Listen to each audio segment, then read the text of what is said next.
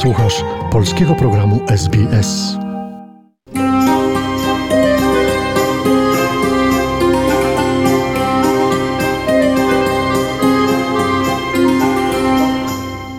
Opowieści Suczki Feli, czyli psiografia. Rozdział szósty. Pies teatralny. Czy wiecie skąd wzięło się wasze imię? Dlaczego nazywasz się Ania, Jola czy Piotruś albo Reksio?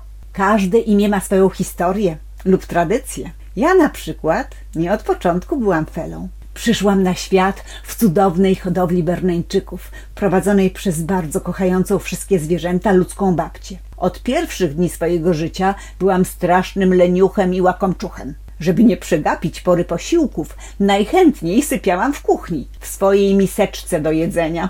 Ponieważ robiłam to z wrodzoną gracją, babcia nadała mi imię Gracja. Jednak moja pani na grację nie miała ochoty i postanowiła nazywać mnie bardziej arystokratycznie. Zaczęła zwracać się do mnie niczym do jakiejś królowej angielskiej. Wiktorio! Na szczęście trwało to krótko, bo ciągle się myliła i wszelkie próby kończyły się na nazywaniu mnie Felusiem, bo tak właśnie miał na imię mój poprzednik, bardzo przystojny, długowłosy owczarek alzacki. On nazywał się Felek, więc ja zostałam Felą. Pani zawsze mówiła, że jestem jej szczęściem, a szczęście po włosku to felicita. Tak właśnie brzmi moje imię w całej okazałości. Felicita, czyli ja. Zgodnie jednak z tytułem rozdziału powrócę do tematu psa teatralnego. Dzięki mojej pani świat kultury był dla mnie zawsze na wyciągnięcie łapki. Obracałam się wśród największych i najsławniejszych gwiazd show biznesu. Oprócz kina bywałam również w teatrze, a właściwie za kulisami teatru. Pani w chwilach, kiedy bywała aktorką teatralną, zabierała mnie ze sobą na spektakl, w którym grała na scenie. Najwspanialszym miejscem w tej świątyni sztuki był bufet. Zawsze tam kierowałam swoje pierwsze kroki. Zapachy, jakie się stamtąd rozchodziły, były wspaniałe, a kawałek ciasteczka lub mięska już na mnie czekał. Nie mogłam zrozumieć, dlaczego musimy wychodzić z bufetu i siedzieć w pełnej świateł i dusznej garderobie. Do tego wszystkiego pani co pewien czas zostawiała mnie samą i słyszałam tylko jej głos dobiegający z jakiegoś otworu w ścianie. To się podobno nazywa głośnik. Słychać przez niego wszystko, co aktorzy mówią na scenie. Z łatwością rozpoznawałam charakterystyczny głos mojej pani. Na samym początku trochę się niepokoiłam, zwłaszcza kiedy krzyczała albo płakała. Do garderoby wracała jednak uśmiechnięta, więc szybko zrozumiałam, że żadna krzywda jej się nie dzieje. W przerwie spektaklu biegłam do męskiej garderoby po pieszczoty.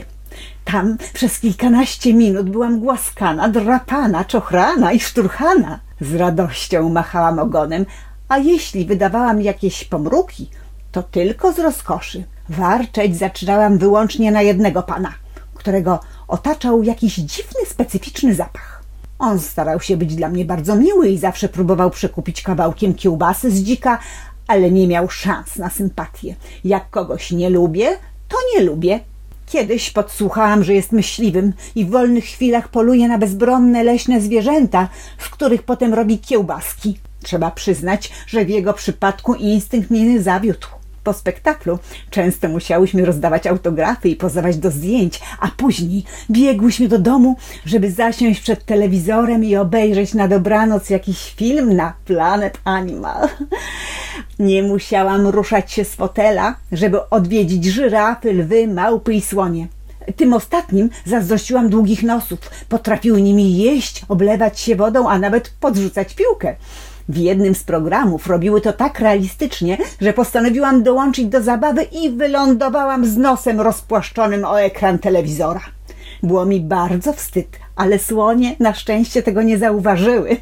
A o innych moich rozrywkach opowiem już wkrótce przy następnym naszym spotkaniu.